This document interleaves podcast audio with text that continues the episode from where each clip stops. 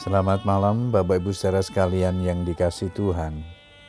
Kita bersyukur kepada Tuhan untuk anugerahnya sepanjang hari ini boleh memelihara kehidupan kita.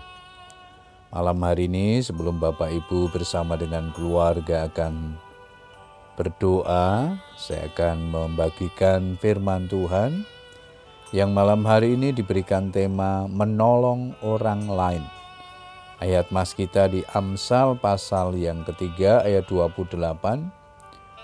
Janganlah engkau berkata kepada sesamamu, pergilah dan kembalilah, besok akan kuberi, sedangkan yang diminta ada padamu.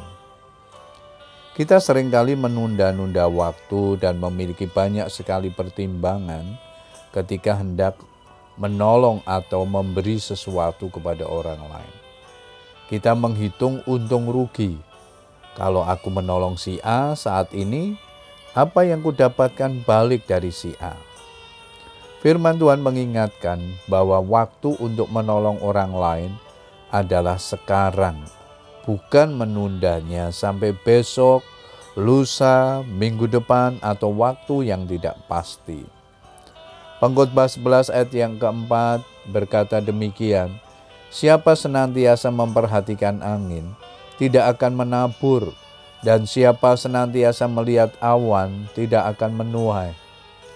Jika hari ini ada orang yang datang kepada kita untuk meminta pertolongan, tapi kita menyuruh dia untuk pergi dan memintanya untuk kembali lagi besok atau di hari lain untuk kita beri yang dia perlukan, padahal sesungguhnya kita punya sesuatu untuk diberikan hari ini.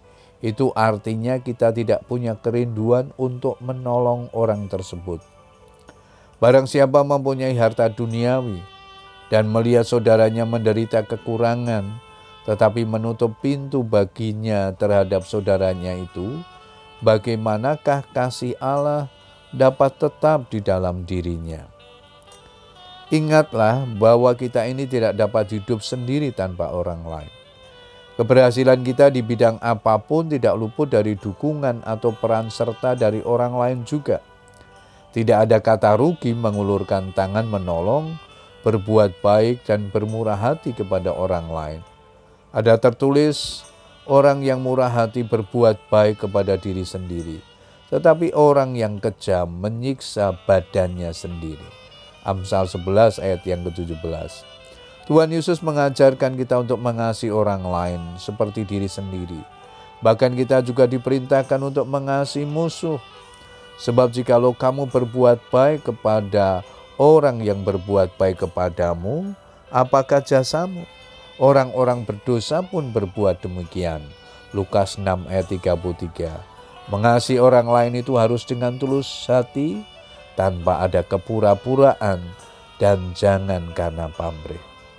Bapak ibu saudara sekalian yang dikasih Tuhan, dalam kehidupan di dunia ini berlaku hukum tabur tuai. Jika kita menabur sikap masa bodoh terhadap orang lain di sekitar kita, Jangan terkejut bila orang-orang di sekitar kita juga akan berlaku masa bodoh pula terhadap kita, merasa mereka tidak perlu memperhatikan kita. Matius 7 ayat yang ke-12, segala sesuatu yang kamu kehendaki supaya orang lain perbuat kepadamu, perbuatlah demikian juga kepada mereka. Puji Tuhan, malam hari ini firman Tuhan mengingatkan kepada kita, untuk menaruh kepedulian terhadap orang lain, memberi pertolongan kepada orang lain yang membutuhkan, sebab mengasihi sesama kita adalah perintah daripada Tuhan. Kiranya Tuhan memampukan kita untuk menjadi berkat bagi sesama kita yang membutuhkan. Selamat berdoa dengan keluarga kita. Tuhan Yesus memberkati. Amin.